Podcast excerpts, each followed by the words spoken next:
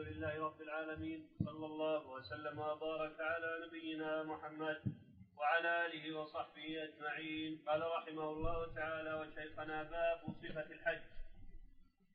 وإذا كان يوم التروية وهو اليوم الثامن من ذي الحجة فمن كان حلالا من المتمتعين الذين قد حلوا من عمرتهم أو ممن كان مقيما بمكة أحرم من مكة. في ضحى هذا اليوم لما روى مسلم عن جابر قال أمرنا رسول الله صلى الله عليه وسلم لما أحللنا أن نحرم إذا توجهنا إلى منى. قال فأهللنا من الأضحى وخرج إلى جبل عرفات أي أنه بعد أن يحرم بالحج يتجه إلى عرفات ليقف بها. والأفضل أن يتجه في ضحى اليوم الثامن من ذي الحجة إلى منى. فيصلي بها الظهر والعصر والمغرب والعشاء والفجر يقصر الرباعية ويصلي كل صلاة في وقتها ثم يتجه من منى إلى عرفات بعد طلوع الشمس في يوم عرفة كما فعل النبي صلى الله عليه وسلم وأصحابه في حجة الوداع. فإذا زالت الشمس يوم عرفة صلى الظهر والعصر يجمع بينهما بأذان وإقامتين. كما فعل النبي صلى الله عليه وسلم وأصحابه في حجة الوداع حيث صلوا الظهر والعصر بنمرة. حيث صلوا عفى الله عنك حيث صلى الظهر والعصر بنمرة. عفوا جمعوا بين بينها جمع تقديم وهذا مجمع عليه وينبغي لإمام ذكر المؤلف رحمه الله تعالى لأن الناس يوم التروية يحرمون والمقصود بهذا هو المتمتع فقط وأما القارن والمفرد فلا يزالان محرمين. ولا يستحب تجديد إحرامهما. وقد تقدم بالأمس أن الرجل إذا أخذ عمرة ليس بلازم أن يدخل في الحج. ولو بقي في مكة إلى اليوم الثامن. فلو أراد يرجع رجع. وهذا مجمع عليه. أما العامة اليوم يقولون لبيك عمرة متمتعا به إلى الحج. هذا لا أصل له. هذا من صنيعهم وجهلهم. وإن كان قد ذكر بعض الفقهاء فهذا غلط محض لا أصل له. فمن ثم المتمتع لا يقول لبيك عمرة متمتعا بها الحج هذا غلط. يقتصر على قوله لبيك عمرة فقط. المتمتع إذا حج يقتصر على قوله لبيك عمرة فقط ولا يزد على هذا.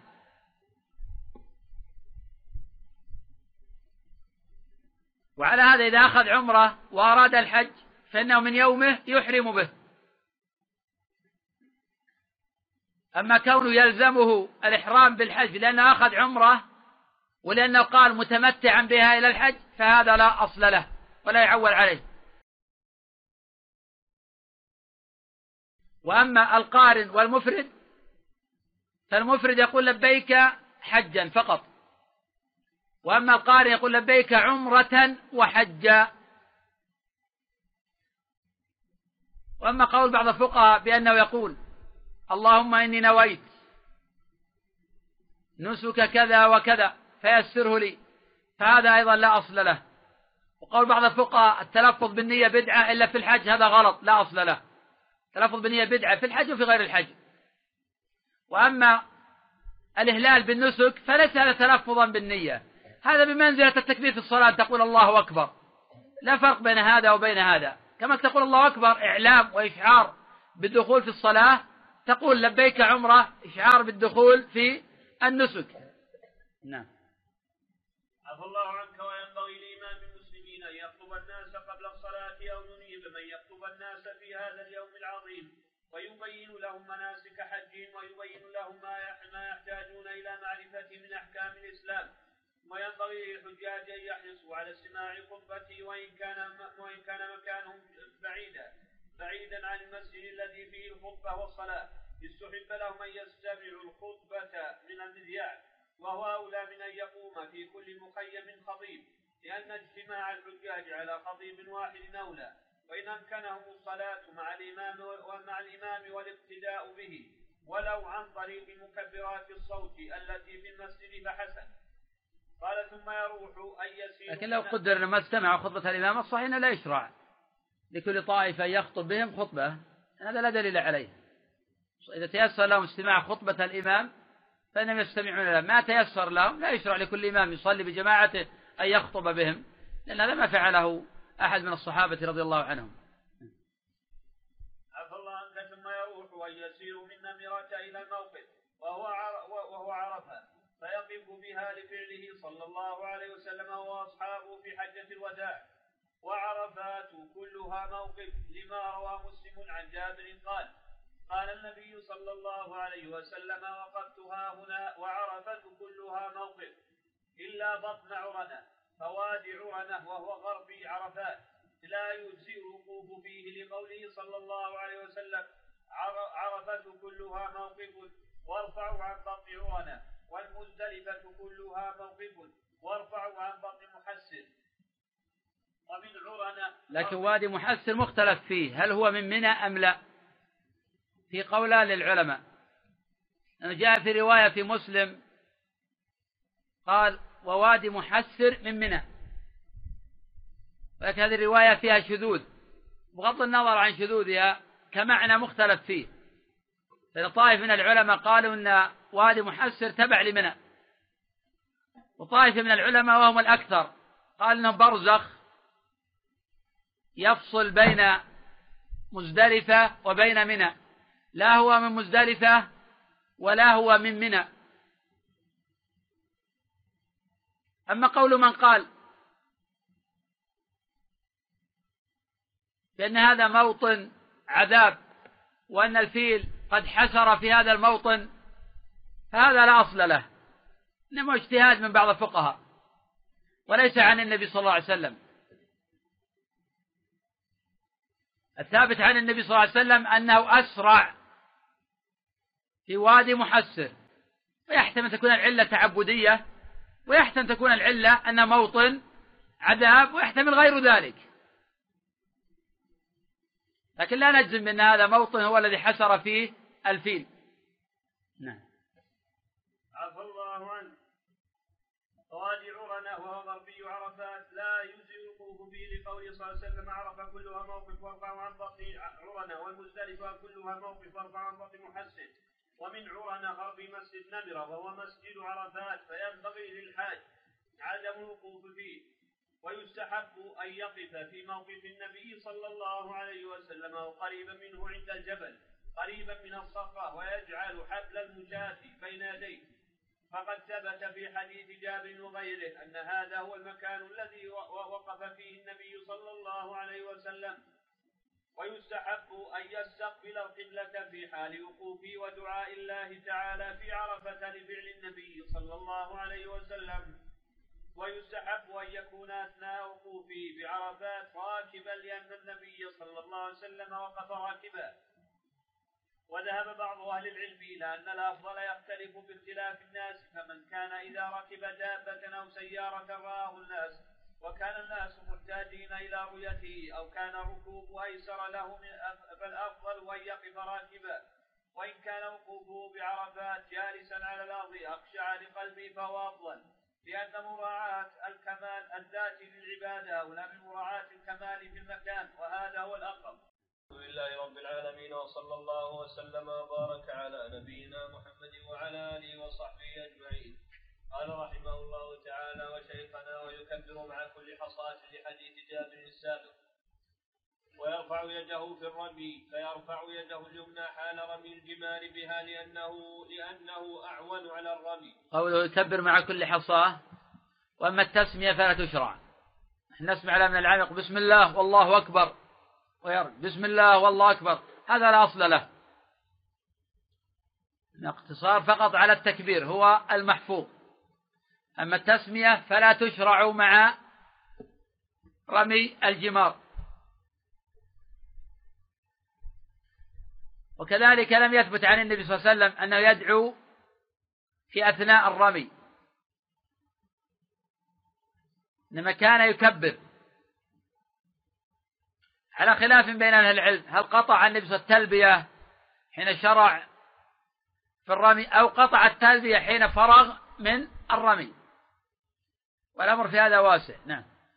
عفى الله عنك ويقطع التلبية في ابتداء الرمي لما روى البخاري ومسلم عن ابن عباس رضي الله عنهما أن أسامة بن زيد رضي الله عنهما كان ردف النبي صلى الله عليه وسلم من عرفة إلى المزدلفة ثم أردف الفضل من المزدلفة إلى منى. قال فكلاهما قال لم يزل النبي صلى الله عليه وسلم يلبي حتى رمى جمرة العقبة.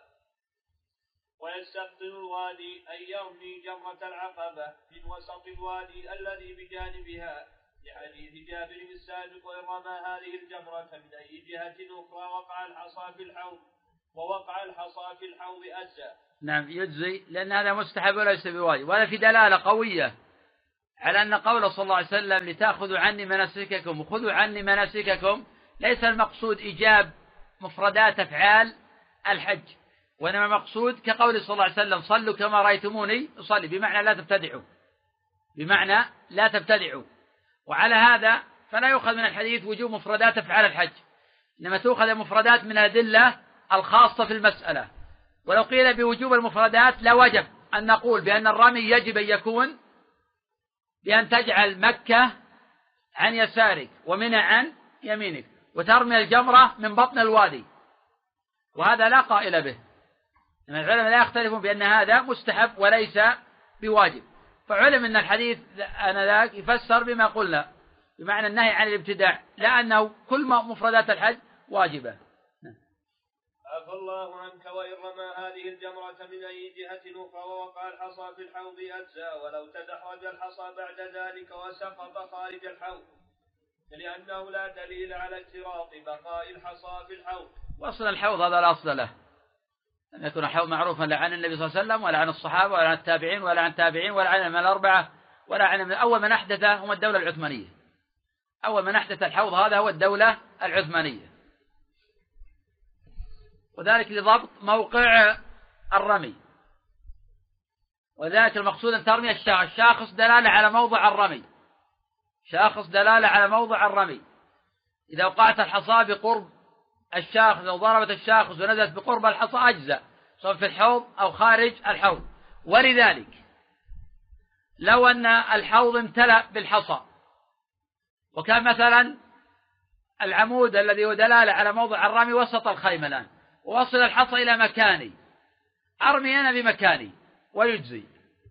لأن مقصود تتبع المكان هذا. فلا يلزمني أن أرمي وسط العمود. لأن الحصى متى ما امتد ترمي بمكان الامتداد. أصبح كالموضع الواحد.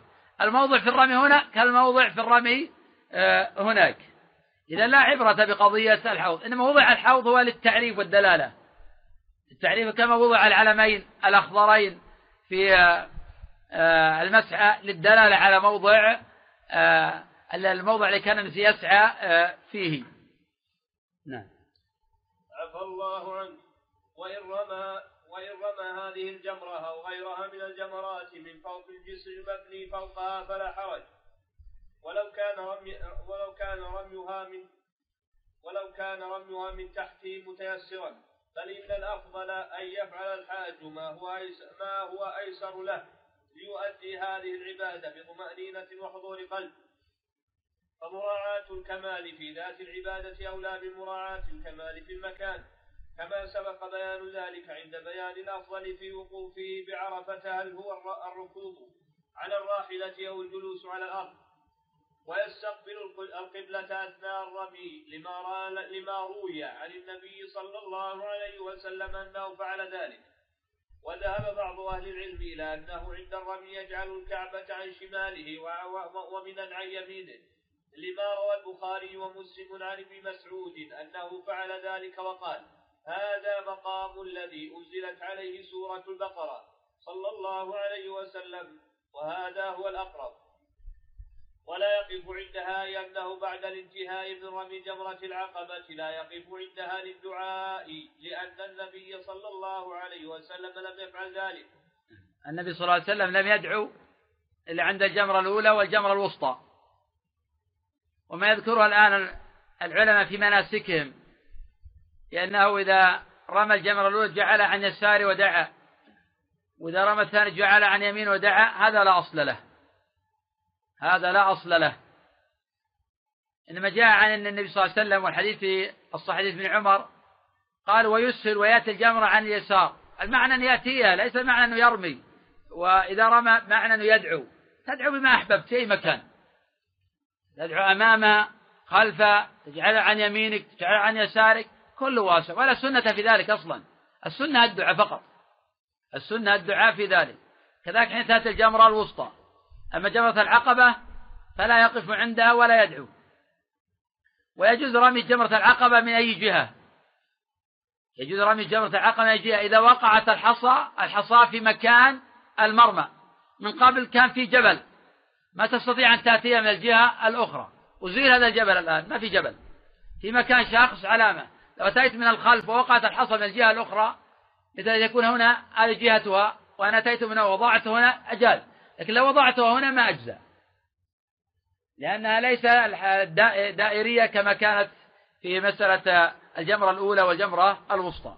نعم.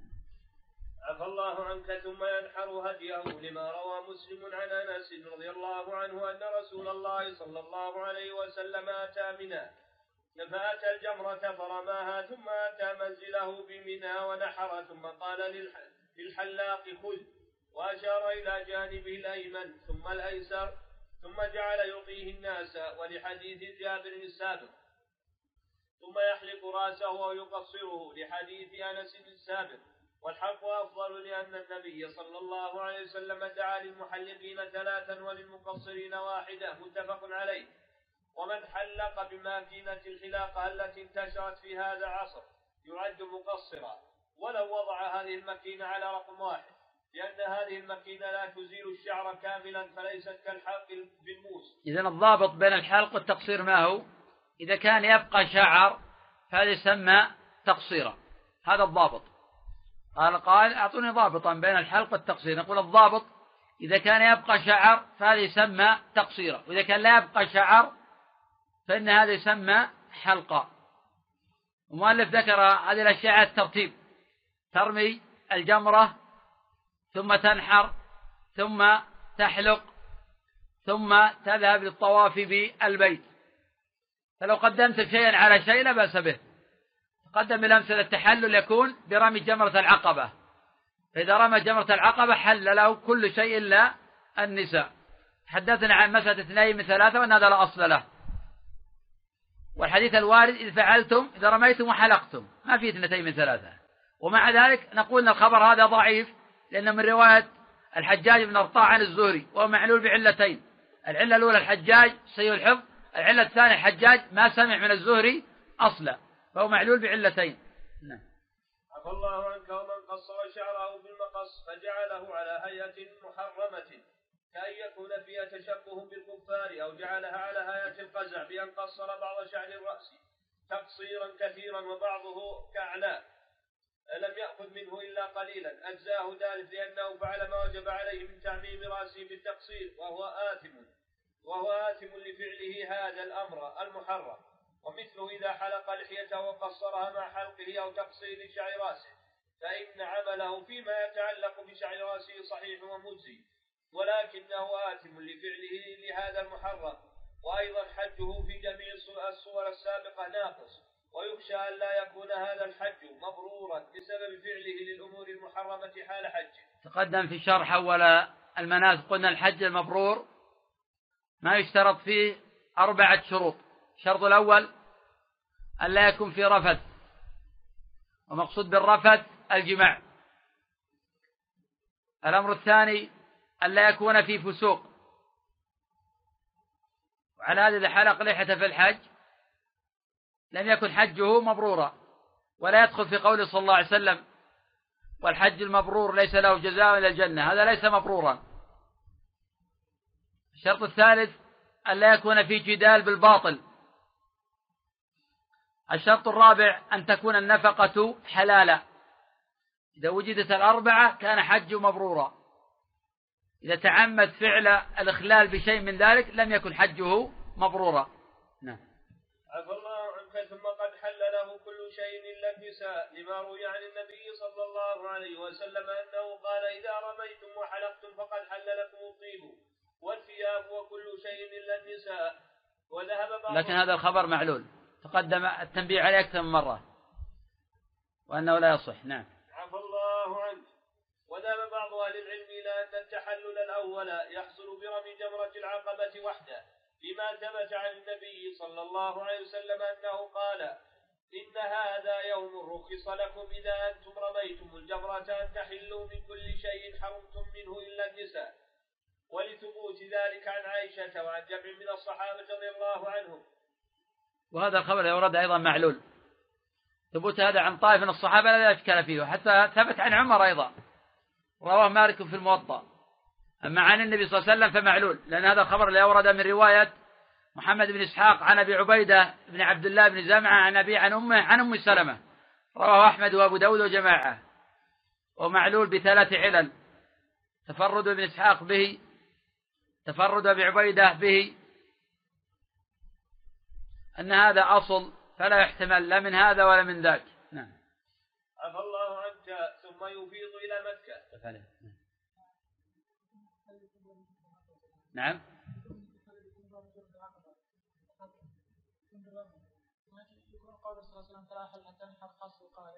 هذا القارن ولا على وجه الاستحباب عند الطائفة ليس على وجه الإجابة بسم الله الرحمن الرحيم الحمد لله رب العالمين وصلى الله وسلم وبارك على نبينا محمد وعلى آله وصحبه أجمعين. قال رحمه الله تعالى وشيخنا ثم يفيض إلى مكة في هذا اليوم الذي هو يوم النحر فيطوف للزيارة وهو طواف الحج لأن النبي صلى الله عليه وسلم طاف في هذا اليوم كما في حديث جابر وغيره.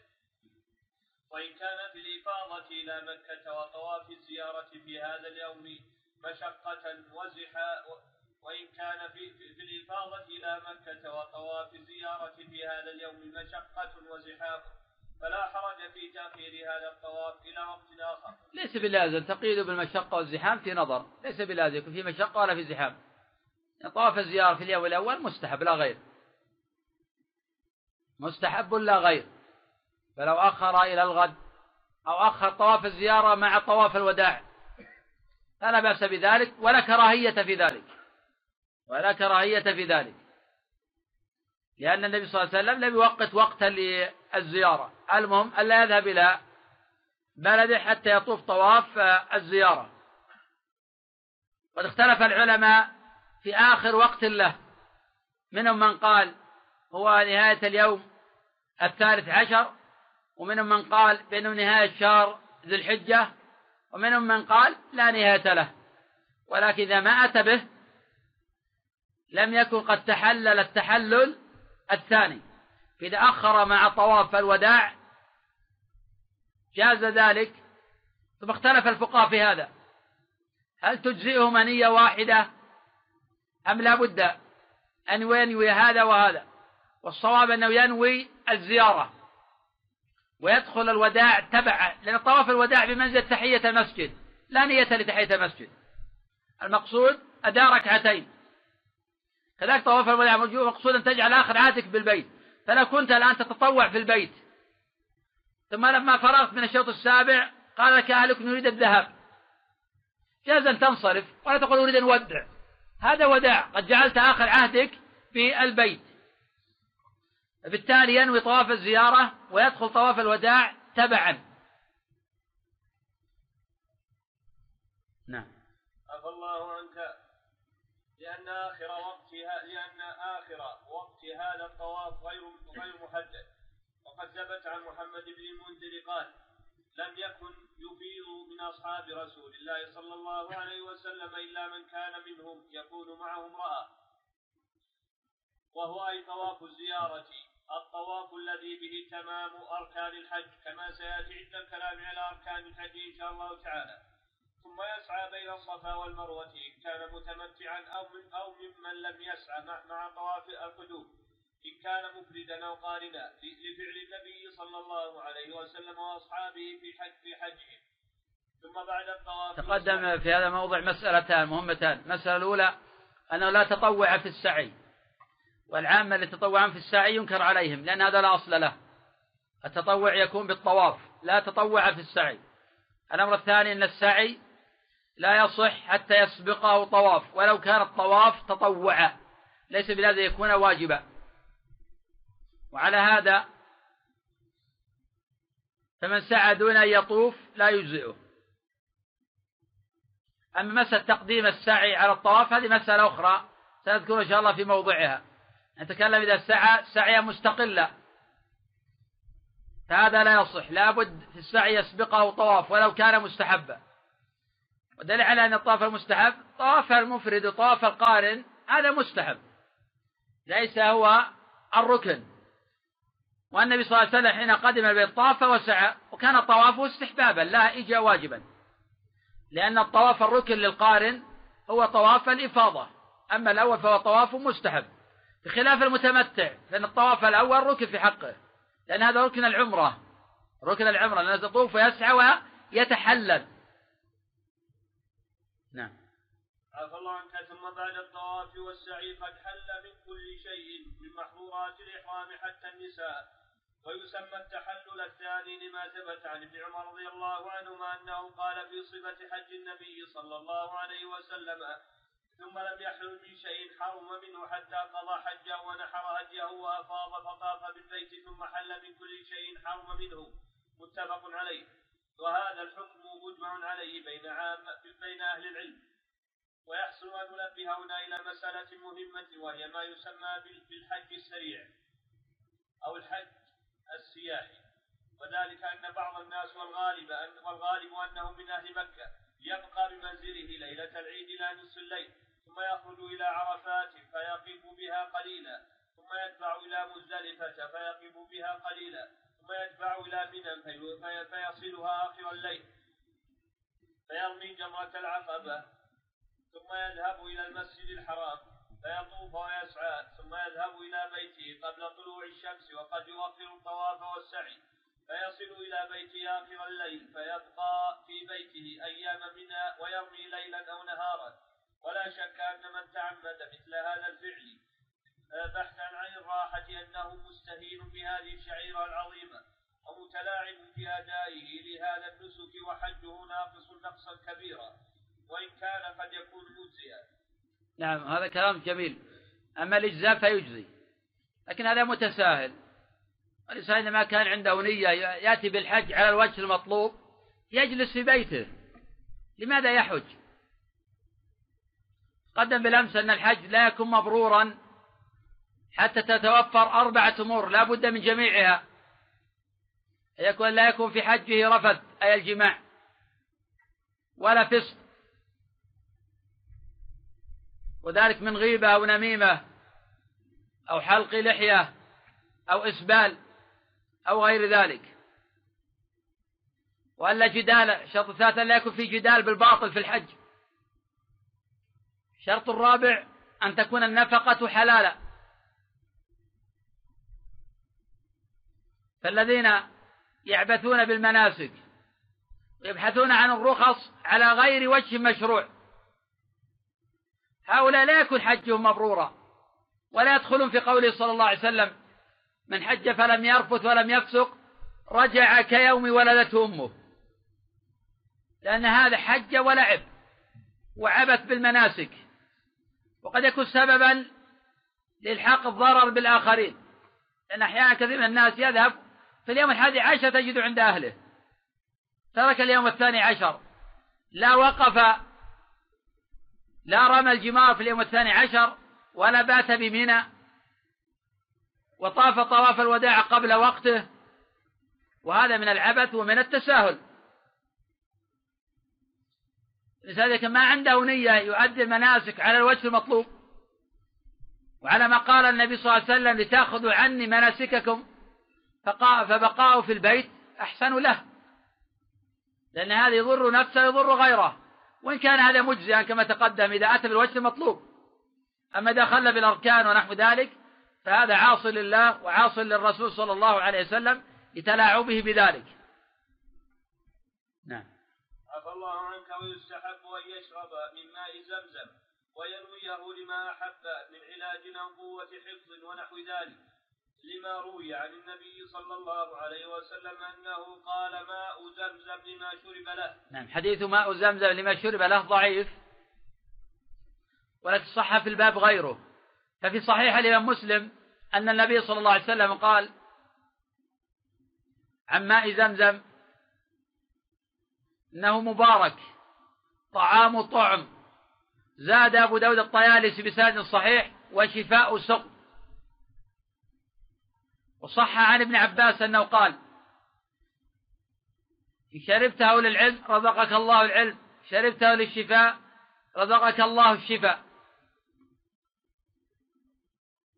وهذا دليل على أنه متقرر بينهم أنه لما شرب له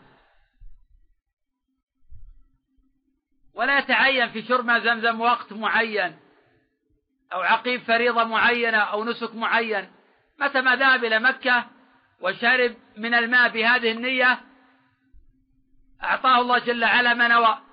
إذا صاحب ذلك الإخلاص والصدق واللجوء إلى الله والتضرع بين يديه فإن هذا موطن التضرع بين يدي الله جل وعلا. وماء زمزم بحد ذاته ماء مبارك. كما قال صلى الله عليه وسلم إنه مبارك. قد جعل الله في بركة. فهو أفضل أنواع المياه على الإطلاق. ثم قال النبي صلى الله عليه وسلم طعام طعم أجعله الله طعاما. أبو ذر رضي الله عنه كان لا جلس أربعين يوما لا يأكل ولا يشرب إلا ماء زمزم. وفي رواية الطيار وشفاء السقم أجعل الله جل وعلا هذا الماء شفاء من الأسقام. وقد شربه جماعة من أئمة السلف للعلم فرزقهم الله للعلم العلم. شربه جماعة للحفظ فرزقهم الله الحفظ. شربه جماعة للشفاء فرزقهم الله الشفاء. الإنسان يستشفي به ويتداوى به. في حديث المسند لكنه ضعيف. آية ما بيننا وبين المنافقين أنهم لا يتضلعون من ماء زمزم. هذا الإسناد ضعيف ولكن والمعنى أنهم لا يشربونه ولا يتروون منه لأنهم لا ينونون به العبادة إنما يشربونه لدفع الظمأ. أما المؤمن فيشربه لما جعل الله جل وعلا فيه من البركة ويشرب إيمانا بقول رسول الله صلى الله عليه وسلم وتصديقا له. أما المنافق أصلا لا يصدق النبي صلى الله عليه وسلم في ذلك. نعم. عفى الله عنك وثبت أن النبي صلى الله عليه وسلم شرب من ماء زمزم لما أفاض يوم النحر ويستحق أن يتضلع منه. أن يكثر من الشرب من ماء زمزم حتى حتى حتى يروى فيمتلئ ما بين أضلاعه. حتى يروى فيمتلئ ما بين أضلاعه من مائها, من مائها. لما روى مسلم عن أبي ذر عن النبي صلى الله عليه وسلم أنه قال عن زمزم إنها مباركة إنها طعام طعم. ولما ثبت عن ابن عباس رضي الله عنهما أنه قال إذا أردت أن تشرب من ماء زمزم فانزع دلوا منها. ثم استقبل القبلة وقل بسم الله وتنفس ثلاثة حتى تضلع. وقل اللهم إني أسألك علما نافعا ورزقا واسعا وشفاء من كل داء. نعم هذا الإسناد ضعيف نعم. عفى الله ثم يقول بعد شربه اللهم اجعله لنا علما نافعا ورزقا واسعا وريا وشبعا يعني إذا دعا بهذا لا بأس به لنفسه لكن هذا لم يثبت عن النبي صلى الله عليه وسلم. تدعو بما أحببت ما تراه مناسبا لحالك تدعو به. وليس وليس يلزم بذاك أن تكون بمكة. إذا جلب لك ماء زمزم وأنت في بيتك وفي بلدك ثم شربته لهذا الغرض الأجر لا يفوت. والدعاء يبقى والشفاء ثابت والبركة موجودة ما انتقلت. يعني البركة غير محصورة بأرض مكة. لو نقل ماء زمزم إلى أماكن أخرى بقيت فيه البركة. نعم. عفى الله عنك وشفاء من كل داء واغسل به قلبي واملأه من خشيتك وحكمتك. لثبوت لثبوت أكثر هذا الدعاء عن ابن عباس رضي الله عنهما وقد سبق, وقد سبق ذكر ما ثبت منه في المسألة السابقة. فينبغي للمسلم أن يقتصر على هذا القدر الثابت وأن لا يواظب على ما زاد عليه مما لم, لم يثبت. من الصحيح تقدم أن يواظب على ما يراه مناسبا لحاله. يدعو بما أحب. ابن عباس ما قال تدعو بهذا الدعاء إذا ما دعوت بهذا الدعاء لا يستجاب لك. إنما ابن عباس يرى أن هذا هو المناسب. دعا بالإيمان دعا بالعلم. يدعو بما يراه مناسبا. كذلك الملتزم. تقدم أنه لم يثبت عن النبي صلى الله عليه وسلم شيء في الملتزم. كل الأحاديث الواردة في الملتزم معلولة. وهما حديثان عند أبي داود. واحد من طريق الحجاج بن أرطاه وهو سيء الحفظ والآخر من طريق المثنى بن الصباح. وهو ضعيف بالاتفاق. ولكنه صح عن ابن عباس. وملتزم هو ما بين الحجر الأسود إلى الباب. وقد وقف بملتزم خلق من العلماء. ودعوا الله جل وعلا فيه فاستجاب الله لهم.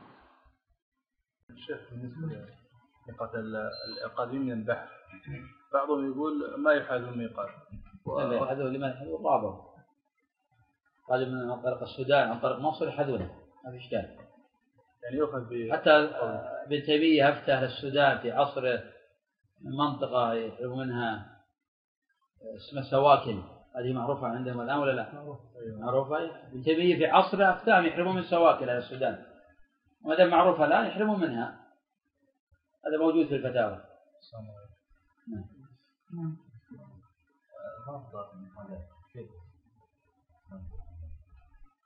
الآن الأمور تيسر الحمد ما عاد الصعوبة لكن بعض الناس يظن أن هذا بالقرب من مكة. هذا غلط لا أصل له. الذي جاء قعدوا بأن آه، جدة آه، ميقات يعني ينظرون المسافات بين جدة وبين مكة. وهذا غلط لا أصل له. محادثة ميقات. يعني تمر من هنا وهنا ميقات تنظر محاذاة هنا. ما تنظر لقربك أنت من مكة وقرب هذا من مكة. هذا لا أصل له. هذا هو اللي جعلهم يجعلون جدة ميقاتا إيه نعم. مثلا أنا هنا هذا الميقات وأنا ما أستطيع أن آتي من هنا لكن أنا آتي من هنا. فإذا متى حذيت هنا؟ أحذف. ولو كانت بيني وبين مكة هنا أبعد. بعضهم لا قال لا تحرم بقربك إذا وصلت قرب. وهذا لا أصل له. هذا هو اللي جعلهم آه، يتخذون جدة ميقاتا. جدة كانت موجودة في عصر النبي صلى الله عليه وسلم ولا جعلها ميقاتا. فعل محظوظ. أما العباس فهو كويس ما في فرق بينه لا ابن عباس. ومن ترك شيئا من نسكه إيش سويت بينهم كان رد على الاثر على القول هذا القول. لأن ترك الواجب اعظم فعل محظور وأيضا في أدلة أخرى أيضا. بس الاستدلال على طال الأثر هذا منها قول صلى الله عليه وسلم من وجد من لم يجد نعيم فليلبس الخفين.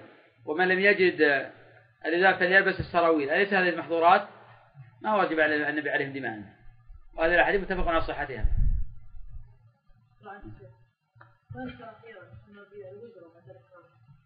الظاهر ما فيها شيء. ما فيها شيء. يعني بمنزلة الأول إيش الفرق بينهم؟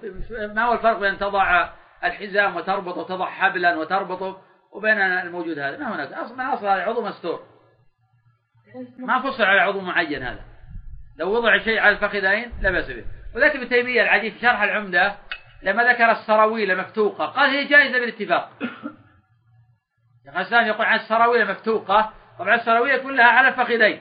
يقول إذا فتق السروال جاز بالإجماع. مش الفرق بين هذا وهذا. ما هناك فرق أبدا هذا موجود شرح العمدة شيخ الإسلام.